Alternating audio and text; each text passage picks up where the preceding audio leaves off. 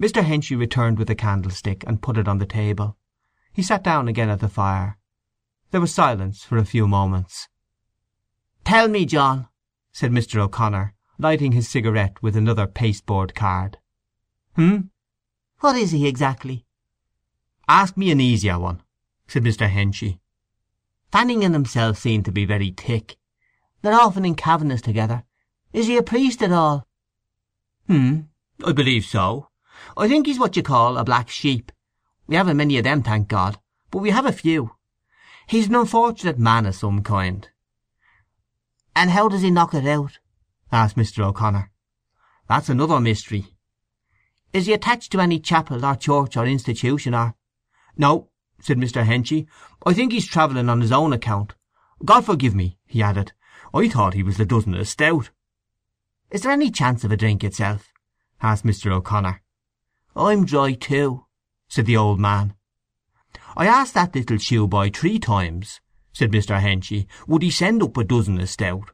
I asked him again now, but he was leaning on the counter in his shirt sleeves, having a deep goster with Alderman Cowley." "Why didn't you remind him?" said Mr. O'Connor. "Well, I couldn't go over while he was talking to Alderman Cowley. I just waited till I caught his eye, and said, 'About that little matter I was speaking to you about.' 'That'll be all right, Mr. H,' he said. Yadda! Sure the little hop of me thumb has forgotten all about it." "There's some deal on in that quarter," said Mr. O'Connor thoughtfully. "I saw the three of them hard at it yesterday at Suffolk Street corner." "I think I know the little game they're at," said Mr. Henchy.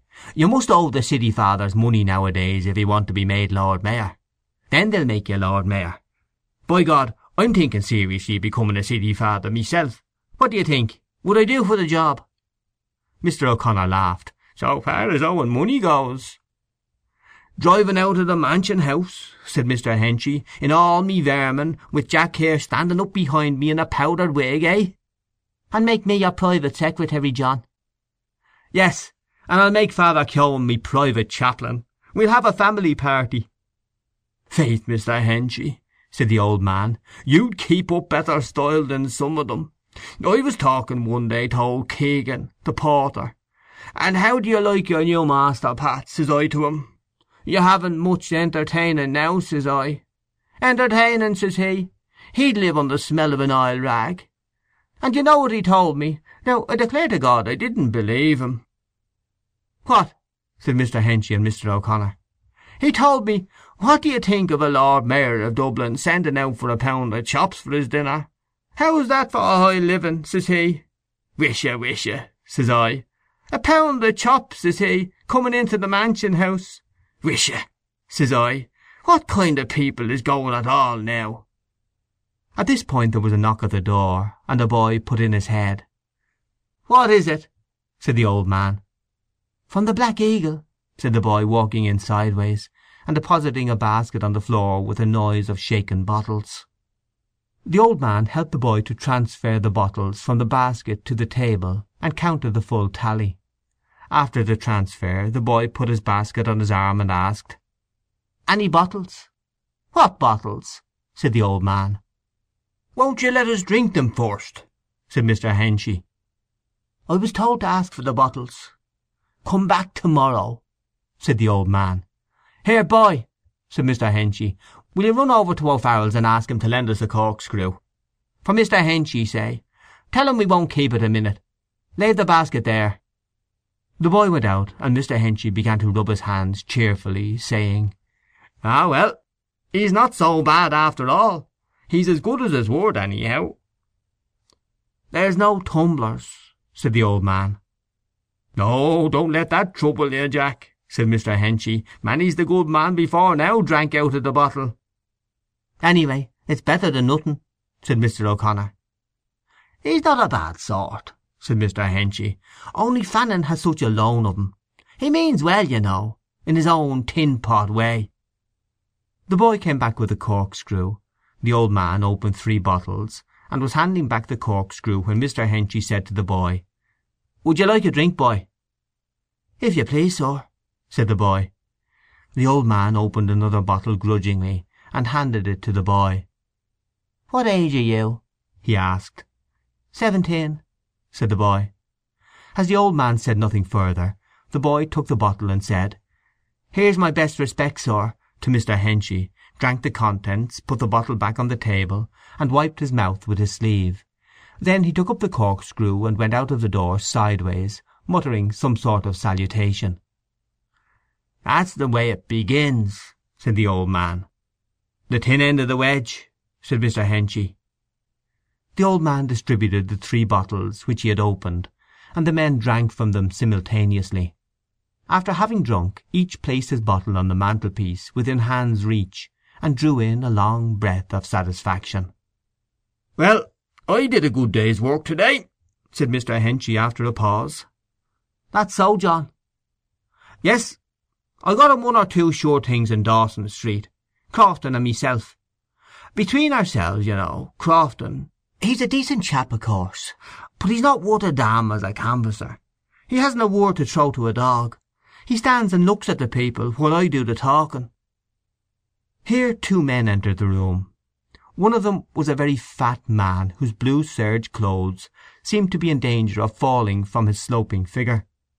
He had a big face which resembled a young ox's face in expression, staring blue eyes, and a grizzled moustache. The other man, who was much younger and frailer, had a thin, clean-shaven face. He wore a very high double collar and a wide-brimmed bowler hat. "Hello, Crofton," said Mr. Henchy to the fat man. "Talk of the devil!" "Where did the booze come from?" asked the young man. "Did the cow calve?" "Oh, of course! Lyons spots the drinks first thing," said Mr. O'Connor, laughing. "Is that the way you chaps canvass?" said Mr. Lyons. "And Crofton and I out in the cold and rain looking for votes?" "Why, blast your soul," said Mr. Henchy, "I'd get more votes in five minutes than you two would get in a week." "Open two bottles of stout, Jack," said Mr. O'Connor. "Uh, how can I," said the old man, "when there is no corkscrew?" "Wait now, wait now," said Mr. Henchy, getting up quickly. "Did you ever see this little trick?" He took two bottles from the table, and carrying them to the fire put them on the hob. Then he sat down again by the fire, and took another drink from his bottle. Mr. Lyons sat on the edge of the table, pushed his hat towards the nape of his neck, and began to swing his legs. "Which is my bottle?" he asked. "This lad," said Mr. Henchy. Mr. Crofton sat down on a box and looked fixedly at the other bottle on the hob. He was silent for two reasons. The first reason, sufficient in itself, was that he had nothing to say. The second reason was that he considered his companions beneath him. He had been a canvasser for Wilkins the Conservative, but when the Conservatives had withdrawn their man, and, choosing the lesser of two evils, given their support to the Nationalist candidate, he had been engaged to work for Mr. Tierney. In a few minutes an apologetic was heard as the cork flew out of Mr. Lyons's bottle. Mr. Lyons jumped off the table, went to the fire, took his bottle, and carried it back to the table. "I was just telling them, Crofton," said Mr. Henchy, "that we got a good few votes to day." "Who did you get?" asked Mr. Lyons. "Well, I got Parkes for one, and I got Atkinson for two, and got Ward off Dawson Street. He's a fine old chap he is, too. Regular old toff, old Conservative.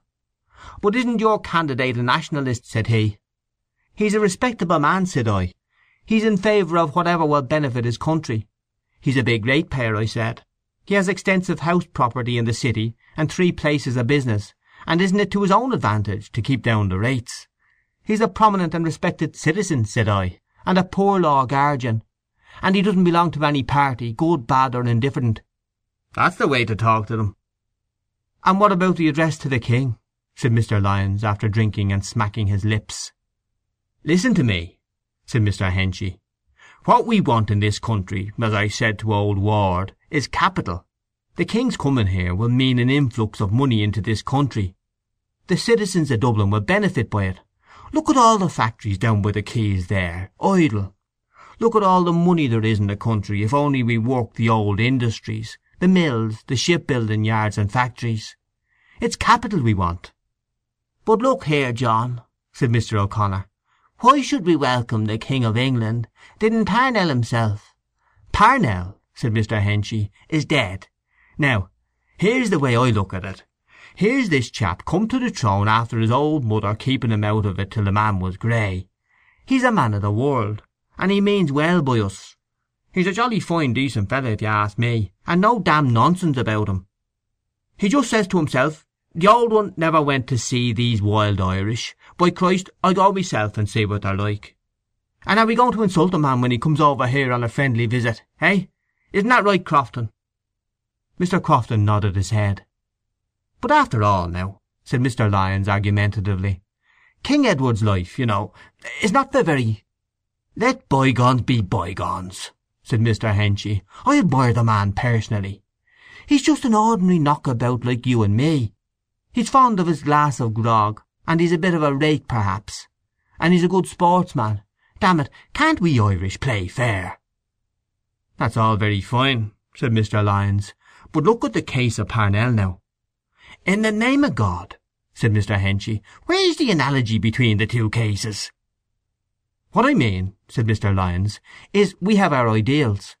Why now would we welcome a man like that? Do you think now after what he did Parnell was a fit man to lead us? And why then would we do it for Edward the Seventh? This is Parnell's anniversary, said Mr. O'Connor, and don't let us stir up any bad blood. We all respect him now that he's dead and gone, even the Conservatives he added, turning to Mr. Crofton. The tardy cork flew out of Mr. Crofton's bottle. Mr. Crofton got up from his box and went to the fire.